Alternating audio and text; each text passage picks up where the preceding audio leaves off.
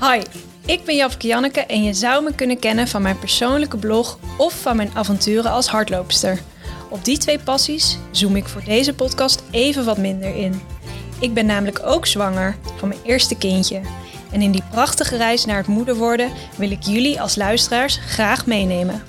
Mee in mijn uitdagingen, emoties, spanningen en vooral ook overwinningen. Luister je mee? Dit is Japke's Journey. Welkom bij weer een nieuwe aflevering over Japke's Journey. Uh, Japke die is nu 36 weken en 5 dagen zwanger. Dus zeg ik het goed of niet? Ja, toch? Uh, 36, 5? 4. 4. Zeg maar, maar morgen zeg maar- bijna Ja, 37 morgen 36, 5, dat klopt. Ja, dat is waar. Nee, ja. Oké, ik zeg wel bijna. Maar hij komt Bijna. overmorgen online, hè? Oh ja, hij komt overmorgen online. Bijna 37. Dan ben je 37 weken. Ja. Vrijdag. Nou, dat is Eh, leuk. ja. Ja. Oh ja. Nou, dit kunnen we er ook gewoon in doen.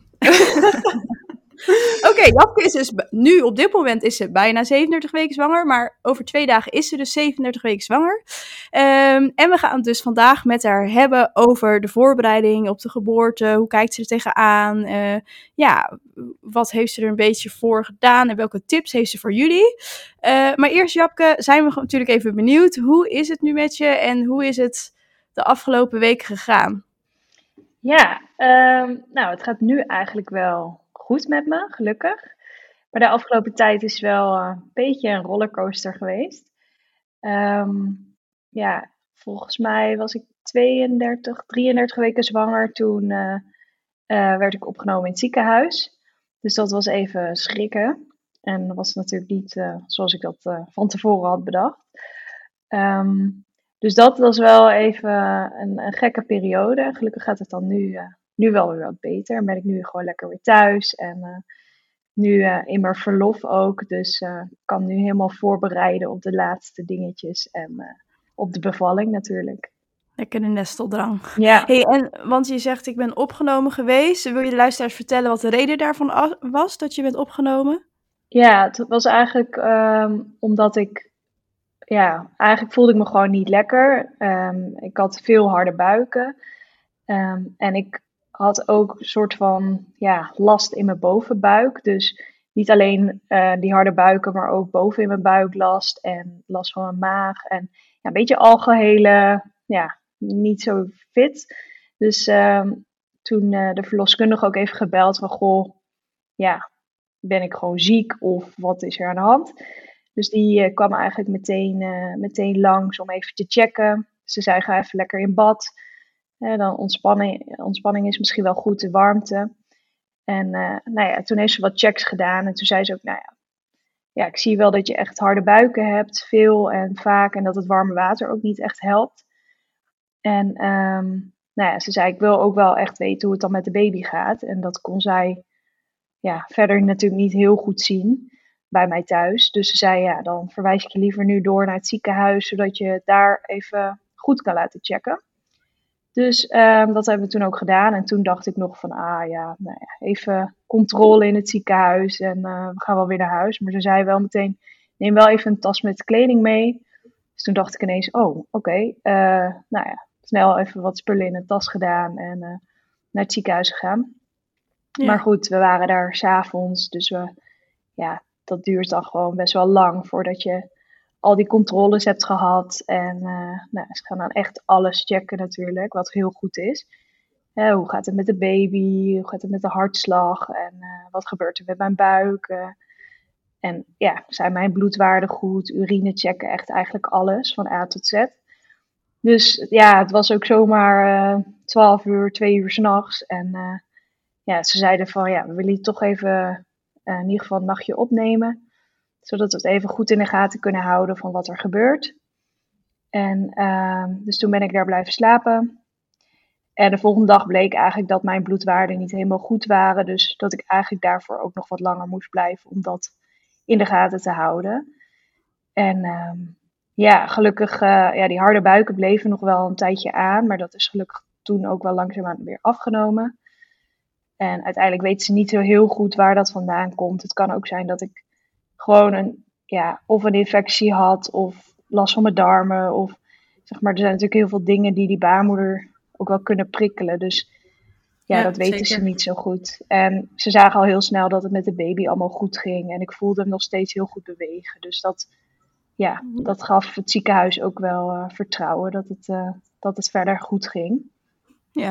En het was vooral voor mijzelf nog even van, eh, ja, komen, worden die bloedwaarden weer stabiel. Dus toen na twee nachten mocht ik eh, wel weer naar huis, gelukkig. Nou, fijn. Fijn dat je in ieder geval weer naar huis mocht. Maar ik snap Ja. dat het best even schrikken geweest is. Dat je dacht, oh, wat gaan we doen? En eh, nou, hoe gaat het met mij? Hoe gaat het met de baby? Ja, ik had zelf op zich wel vertrouwen. Ik, ja, mijn vriend had heel erg van, oh, misschien komt de baby nu. eh, gaat de bevalling ineens beginnen of zo. Ja. En zelf had ik op zich wel het vertrouwen dat dat het niet was. Ik weet niet. Ik had een soort van, nee, dat, dat zit wel goed. Eh, De baby die blijft nog wel even zitten. Maar ja, je weet het niet. Dus ja, en, ja het is natuurlijk heel fijn dat het inderdaad met de baby dan gewoon allemaal goed is. En, eh, ja. Ja, je had een onderbuikgevoel dat het, dat het goed zat. ja, eigenlijk wel. Het moederinstinctgevoel, dat was er gewoon al. ja. Dat is er gewoon al. Ja, eigenlijk wel, ja. Nou, dat horen we vaak hoor van vrouwen. Ook als worden opgenomen, Ja. maar ook bijvoorbeeld rond een bevalling, als ze heel erg rommelen of zo. Dat, ze, ze voelen wel aan wanneer het het echt is en wanneer niet. En tuurlijk word je soms overrompeld of verrast of iets dergelijks. Ja. Maar als je echt durft te luisteren naar, dat, naar je echte intuïtie, dan weet je het vaak al. Ja, zeker. Hey, en het is ehm, misschien goed om te zeggen voor, voor luisteraars als verloskundige. ehm, ehm, eigenlijk als je gewoon een gezonde zwangere bent, ben je dus bij een verloskundige onder zorg. En als dan een, eh, iemand belt, dan gaan we daarheen en doen wij altijd een eerste risico-inschatting. En soms kan het zijn dat we mensen thuis al gerust kunnen stellen. Maar als we ergens om twijfelen of we zien eh, iets dat we denken, hé, hey, we moeten toch wat verder kijken, want ehm, ehm, we denken ergens aan, dat is het vaak ook, hè. Ehm, en dat is waarschijnlijk bij Japke ook gebeurd, dan ehm, zorgen dat de tweede lijn, dus het ziekenhuis, ook mee gaat kijken. En, en dan word je daar eigenlijk door een medische molen gehaald. En het is nog uitgebreider, wat, wat Japke al zei. Krijg je echt een, eh, echt een, hartfilmpje. eh, dus krijg je twee banden om je buik, waarin er echt uitgebreid half uur, een uur eh, de conditie van het kind in de gaten wordt gehouden. Er wordt vaak een echo gemaakt en dus bloed gecheckt bij de moeder. Ehm, maar soms kan het, het hoeft niet altijd eh, te zijn dat als je belt en de verloskundige komt, dat je altijd naar het ziekenhuis hoeft. Soms kan het dus ook zijn dat er, hè, wij als verloskundige zelf thuis al gerust kunnen stellen. Dus dat is goed om te weten als je luistert dat je denkt, oh, mijn verloskundige heeft me niet ingestuurd, is niet altijd nodig. Nee, nee, precies. En ik hoorde Japke ook zeggen van, eh, mijn verloskundige kon, niet, kon thuis gewoon niet alle checks doen die ze zou willen doen. Eh, Ja. Bijvoorbeeld met veel harde buiken wil je urine laten controleren. Nou, dat kan natuurlijk via de huisarts. Eh, als je verder nergens aan denkt, maar gezien je klachten die je verder had, snap ik dat jouw verloskundige heeft gezegd van, nou, laten we even een he- algehele check-up doen. En dat lukt niet thuis, dus ga je dan daarvoor naar het ziekenhuis. Ja, en als Ja. het dan inmiddels twee uur s'nachts is, dan is het ook wel fijn dat je daar een bedje krijgt. Ja, Ja, zeker. het Ja. is lang wachten dan, hè? ja, het is wel heel, eh, duurt gewoon lang. En het is natuurlijk gewoon nu heel erg druk in de ziekenhuizen, vooral de geboorteafdeling. Ja, Ja, ik, ja, het is ook heel logisch dat het allemaal wat langer duurt. En, eh, ja. Ja. ik was al lang blij dat ik een kamer had. Heb je dat gemerkt, die drukte? Eh, nou, dat is grappig, want eigenlijk niet. Want ik lag er dus uiteindelijk, eh nou ja, tweeënhalve dag, zeg maar. En ondanks dat ze steeds wel zeiden van sorry, het is druk, eh, voelde ik dat helemaal niet. Dus dat vond ik heel prettig. Dat ze, ja, het zijn, het zijn best wel fijne kamers. En nou ja, je hoort ook verder helemaal niks, geen, geen gekke dingen op de gang of zo. Dus ik vond de kamers heel prettig. En ja, ik had helemaal het gevoel van, oh, het is hier helemaal stil. Er ligt hier verder helemaal niemand. Eh, maar goed, het is dat ze dus steeds wel, of het wat, duurde wat langer voordat er een verpleegkundige kwam of een arts. Maar ja, ik merkte dat verder niet gelukkig. Dus dat vond ik wel heel fijn. Ja, nou, dat hebben de collega's uit het ziekenhuis in Haarlem dus goed aangepakt. ja zeker. Ja. Nou, fijn. En want we vragen het even omdat het iets is wat je veel in het nieuws hoort hè, tegenwoordig. Dat die, dat die druk op die ziekenhuizen zo groot is. En dat vooral de verloskundeafdelingen heel erg vol liggen. Ja, dat is echt een dingetje wat speelt nu in de ene regio wat meer dan in de andere. Ja. Ehm, ik kan me voorstellen dat in Amsterdam, Haarlem, eh, die omgeving eh, nou, echt wel flink speelt.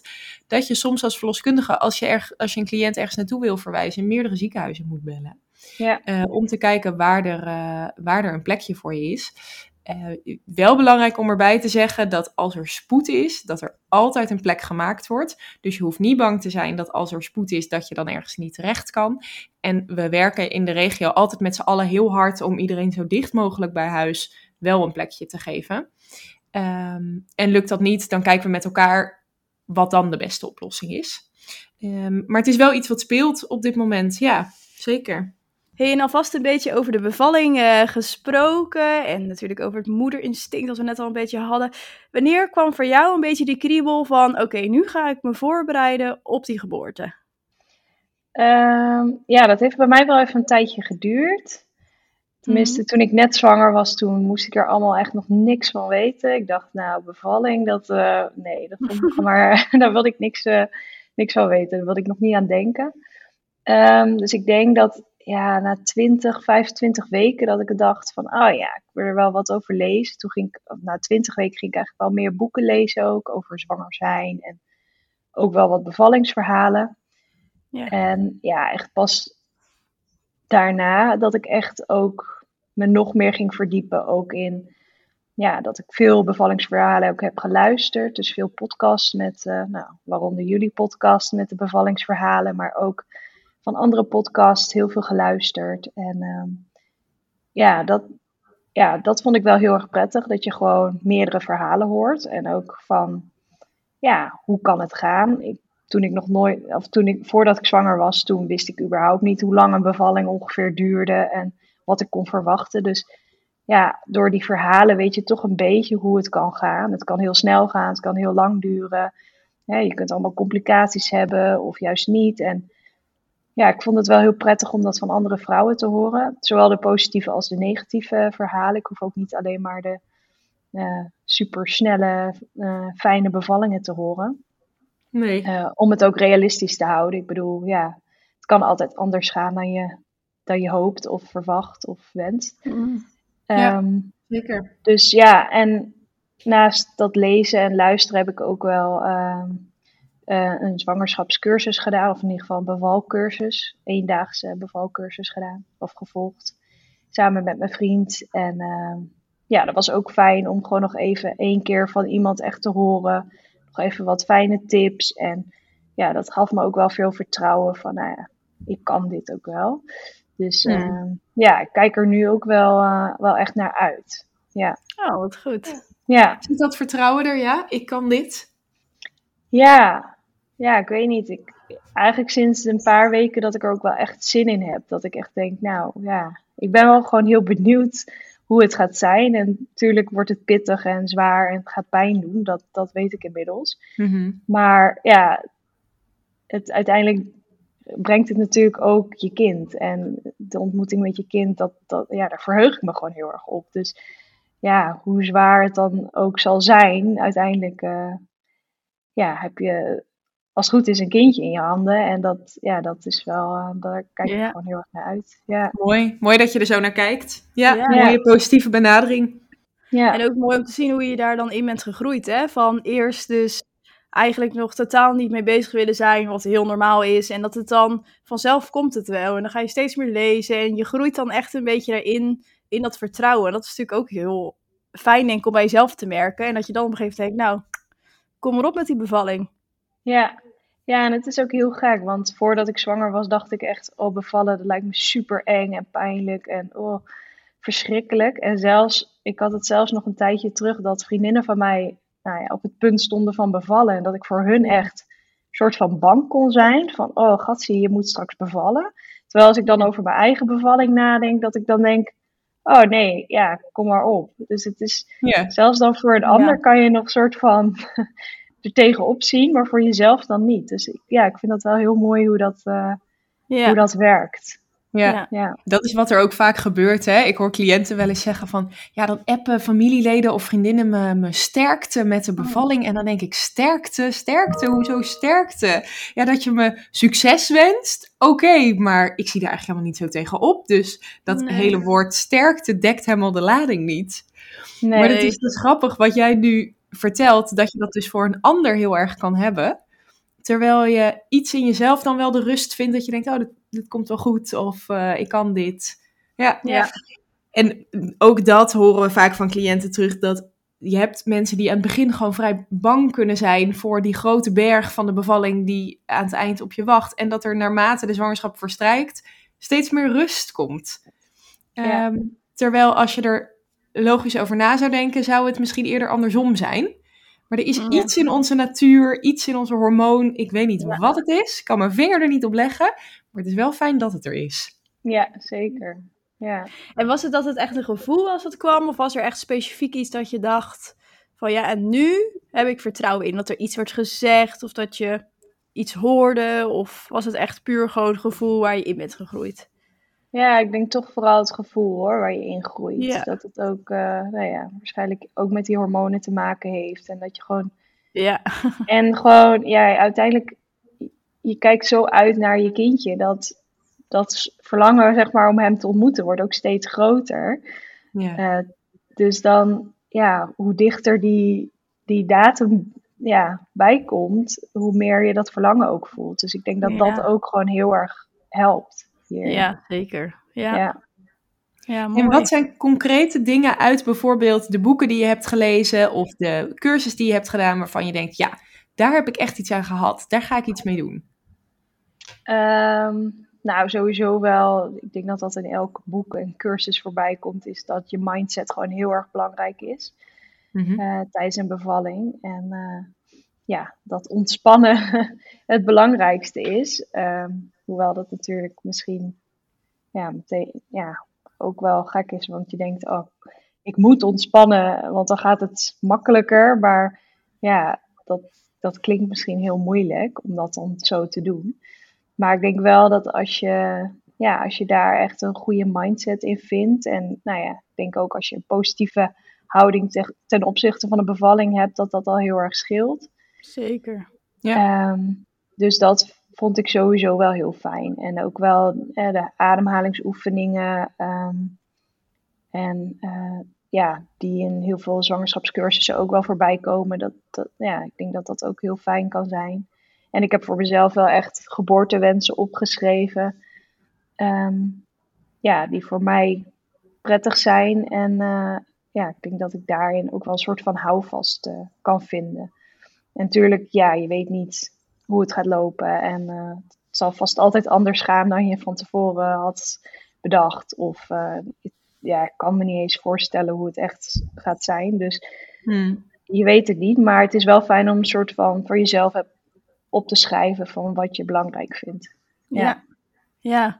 dat is ook wat wij altijd heel erg aanmoedigen. Ook natuurlijk ook al heel vaak bij eh, in de andere afleveringen van hoe belangrijk dat is. En eh nou ja, vertelt ook heel mooi van, ja, natuurlijk, je weet niet hoe het loopt en het kan allemaal anders lopen.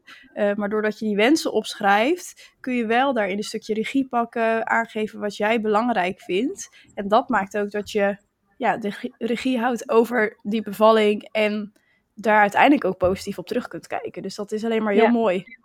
Ja, juist ook als het anders loopt.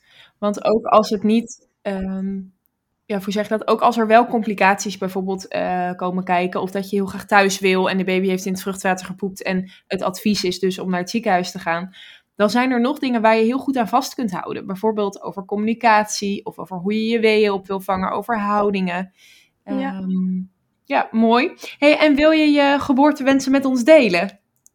Ja, zeker. Ik wil wel wat delen.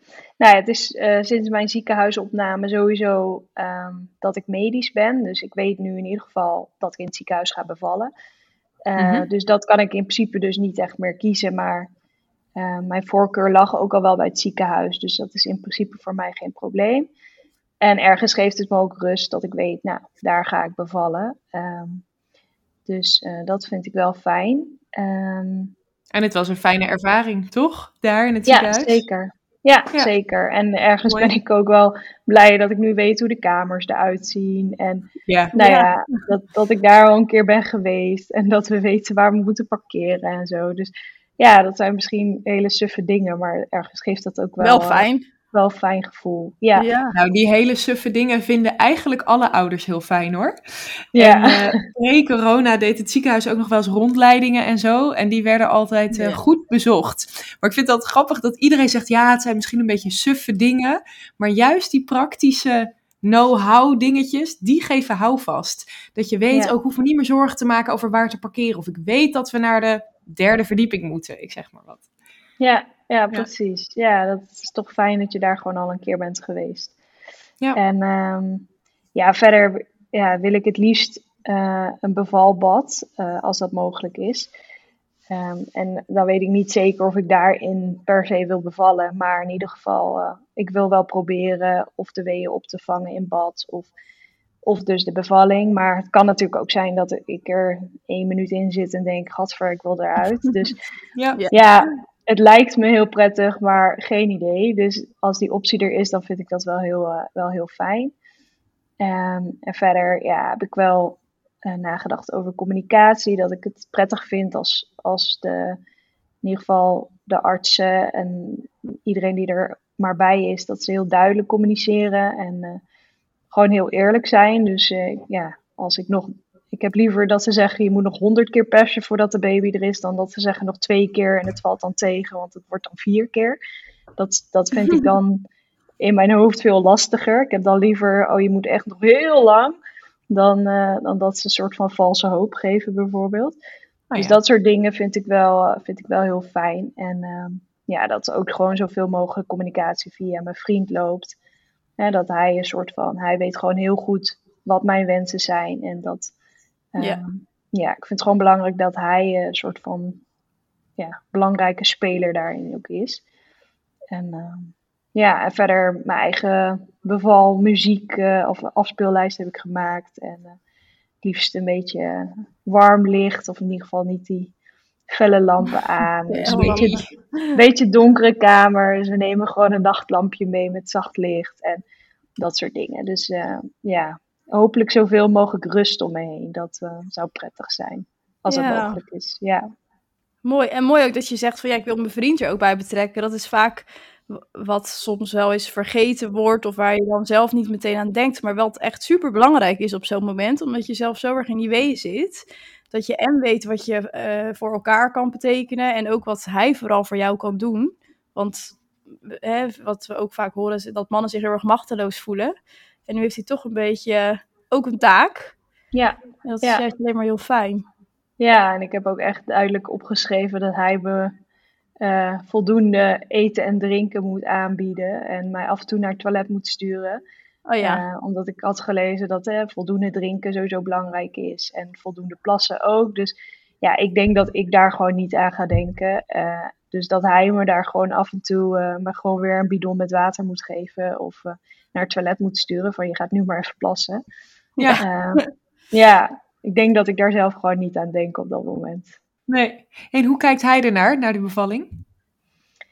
Ehm, ja, ik denk dat hij het ook wel misschien nog wel spannender vindt. Maar dat kan ik me ook voorstellen, omdat je dus als partner toch misschien ja, je inderdaad sneller machteloos voelt. Of van, oh, je weet eigenlijk echt niet zo goed wat je te wachten staat of wat er gaat gebeuren. Uiteindelijk hoop ik dat ik in een soort van bubbel zit en dat, het, ja, dat ik mijn eh, taak kan doen, als het ware.